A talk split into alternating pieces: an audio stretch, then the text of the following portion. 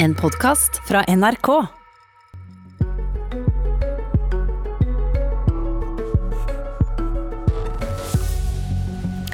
Alle skoler skal åpne, sa regjeringen, men var det bare for en dag om gangen? En eller to timer om dagen? Nå åpnes det også for barnefotball igjen, men på skolene setter strenge smitteverntiltak fortsatt store begrensninger. I dag kunne ikke bussene gå fordi det er for mange i bussen, sånn at de må jo ha avstand. Hva syns du om det, da? Jeg syns det er litt kjedelig, fordi det er jo gøy å komme tilbake i skolehverdagen. Ja, det vi hørte her, det var ti år gamle Malene Halbrenn i Sunnfjord, som fortsatt må ha hjemmeskole halve uka. For etter åtte koronauker med hjemmeskole åpna endelig alle skolene for halvannen uke siden. Og så kommer rapporter da fra ulike deler av landet som viser at en åpen skole ikke er så spesielt åpen likevel, for det betyr ikke i hvert fall at eh, elevene nødvendigvis skal være der. En 15-åring i Tromsø har eh, bare vært tre dager i uka på skolen. Skoledagen er på to timer. Vi har også en 16-åring i Haugesund som bare har vært på skolen én en eneste dag på denne tida. Og da må jeg spørre deg, kunnskapsminister Guri Melby, var det sånn det skulle være å åpne skolene? Jeg har lyst til å slå fast først at retten til opplæring, den gjelder. Vi skal jo nå eh, behandle en del midlertidige endringer til opplæringsloven på Stortinget, men den grunnleggende retten til opplæring, til tilpassa opplæring, til spesialundervisning, de gjelder fortsatt. Men det som vi også ser, er jo at med de smittevernreglene vi har, så er det ikke mulig overalt å gi det samme tilbudet som det man gir til vanlig. Det er ikke mulig overalt å ha alle elevene samtidig på skolen, hvis man skal sikre avstand og sikre mindre grupper. Og det er heller ikke mulig overalt å ha fulle dager for alle elever. Og der har vi sagt at da ønsker vi å gi en lokal frihet til å finne gode løsninger, fordi at Skole-Norge er så forskjellig. Eh, vi har så mange ulike utfordringer, vi har så mange ulike muligheter til å løse det her på en god måte. Men alle barn skal få et fullverdig opplæringstilbud, men det kan være i kombinasjon med f.eks. hjemmeundervisning. Og I de åtte ukene som gikk da skolene var stengt, så så vi jo veldig mange gode eksempler på hjemmeundervisning. Det er også veldig mange barn som eh, opplever at de har kanskje nesten blitt bedre sett av lærerne i den tida skolene var stengt. Eh, så, så, så det trenger ikke Fire av fem dager i uka med fortsatt hjemmeundervisning, det er fine greier? Det er nok best for de fleste barn å være mest mulig på skolen. Det tror ikke jeg vi skal legge skjul på. Men jeg tror også det er mulig å finne gode løsninger der man kombinerer noe hjemmeundervisning og noe oppmøte på skolen.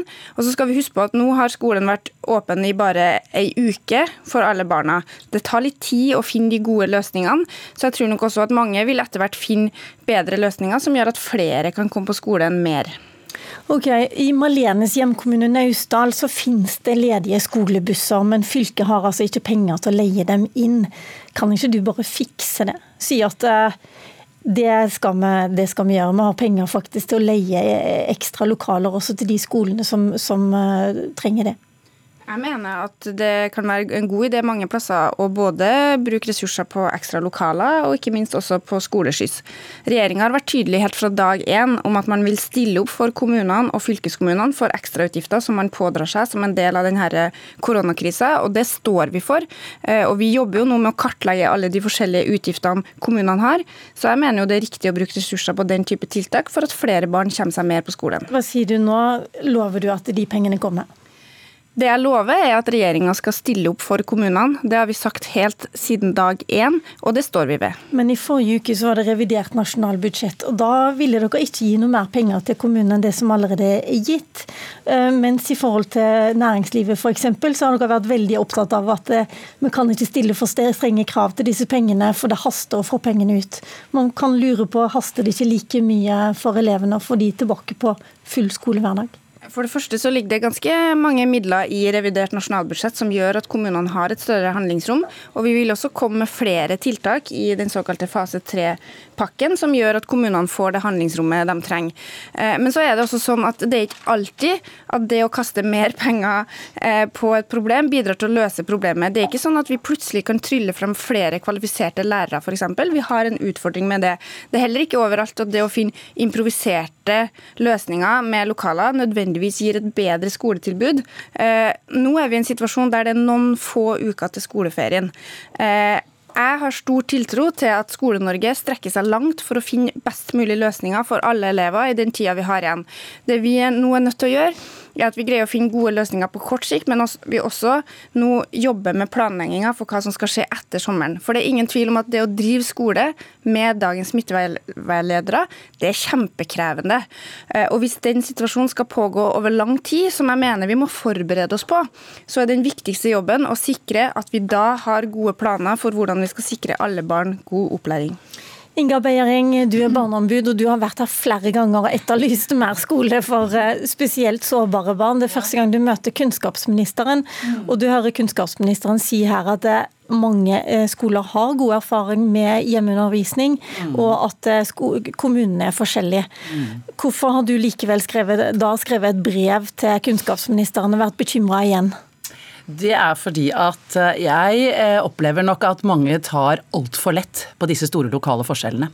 Og det er fordi at sånn som det er rigget nå, sånn som vi får beskrevet, det må vi være klar over at det forsterker både de sosiale og de faglige forskjellene for barn i Norge. Det må vi være klar over.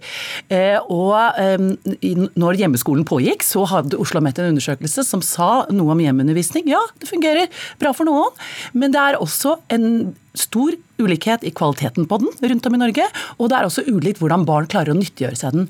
Og det er også ulikt i hvilken grad foreldre ned til barn i 10-11-årsalderen vi her snakker om, har mulighet til å hjelpe barna når de sitter på hjemmeskole. Så å si at dette med hjemmeskole og én dag i uken på skolen er et godt uh, opplegg for barn videre fremover nå, det er jeg veldig, veldig uenig i, og dette må vi ta på den, det største alvor. Uh, og jeg må si at jeg håper ikke dette står på penger. Dette er et kommunalt ansvar, det er et statlig ansvar. Og nå går det mye penger ut til næringslivet. Da må man kunne forvente at man gir penger, sånn at barn nå som har vært hjemme i to måneder, får et godt opplæringstilbud på skolen så langt det lar seg gjøre. I brevet til kunnskapsministeren så skriver du også at man nå må spørre seg om kommunene tar litt for alvorlig disse smitteverntiltakene. Eh, hva bygger du det på? Eh, det, det, har vi jo sett, sett før. Helsevesenet har gjort det nettopp. Eh, det har vi jo hatt denne koordineringsgruppen som har avdekket innenfor helsevesenet. At mange tjenester har gått altfor langt. Så det jeg ber regjeringen er å undersøke hvordan ser det ut der ute. Tolkes det for strengt? Praktiseres det for strengt? Og så eh, ber jeg også om å få en oversikt over når det da gis et så begrenset tilbud som vi hører at en 10-11-åring er én dag på skolen et par timer. Er det praktiske utfordringer på skolene som gjør det? Det tror jeg det er. Det er sånn i hvert fall jeg har lest bildet. Og da må man gjøre noen tiltak. Da må man sette inn noen tiltak overfor de skolene dette gjelder. For de som Handal var inne på i nyhetene tidligere, det er krav om et likeverdig opplæringstilbud. Det betyr ikke at det skal være helt likt, men det skal være likeverdig. Og det gjelder fortsatt.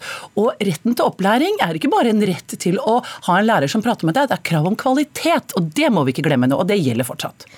Da dere åpna skolene, Guri Melby, så eh, sa dere egentlig to ting. Det ene var at det, er trygt for elevene å gå tilbake.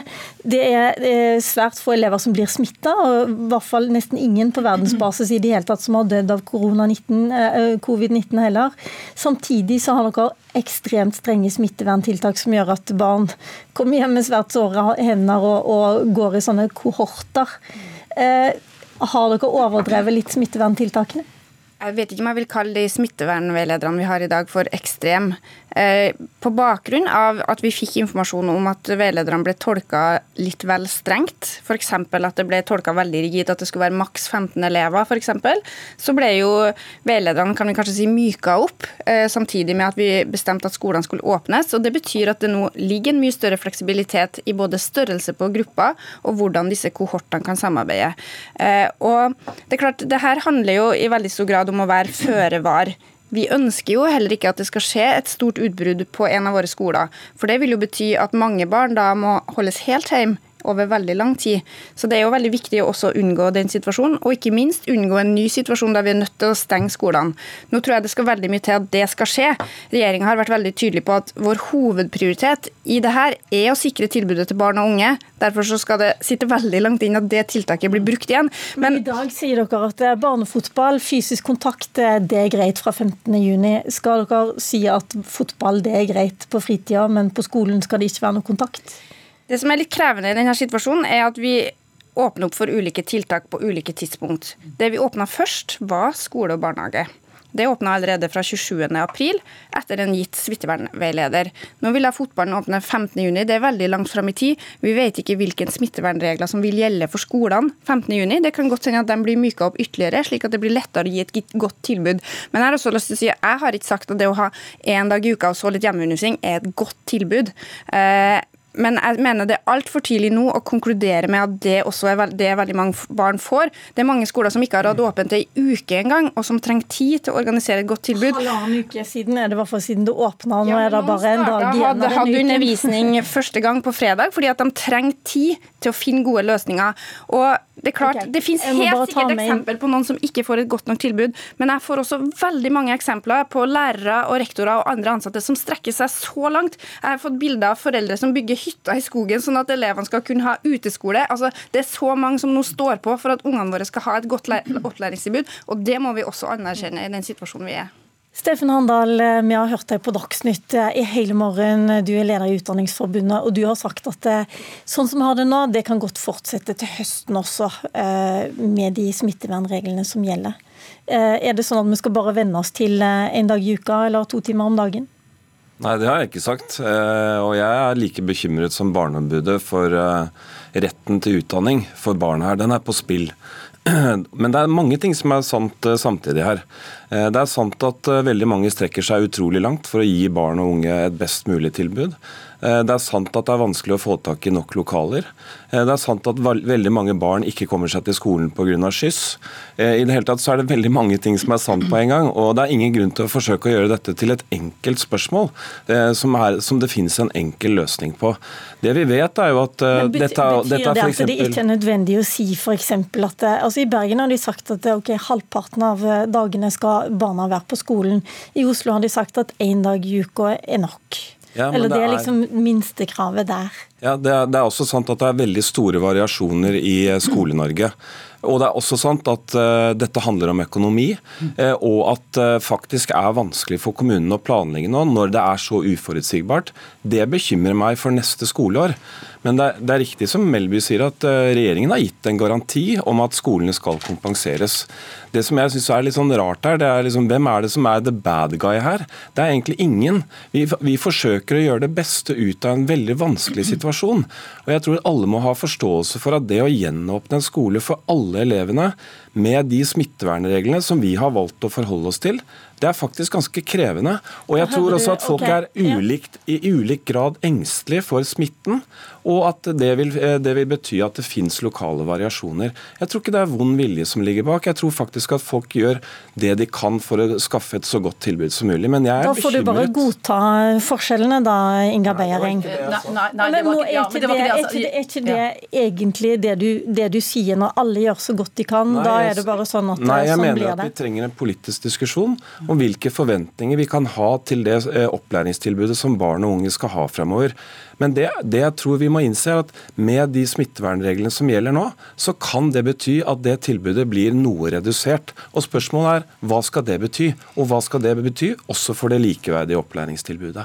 Beiering, fort, ja, når sommeren nå kommer og skolene nå tar ferie, så har det gått en tredjedel av skoleåret. Det må vi være klar over. Det skal ikke bagatelliseres hvor lang tid dette har pågått.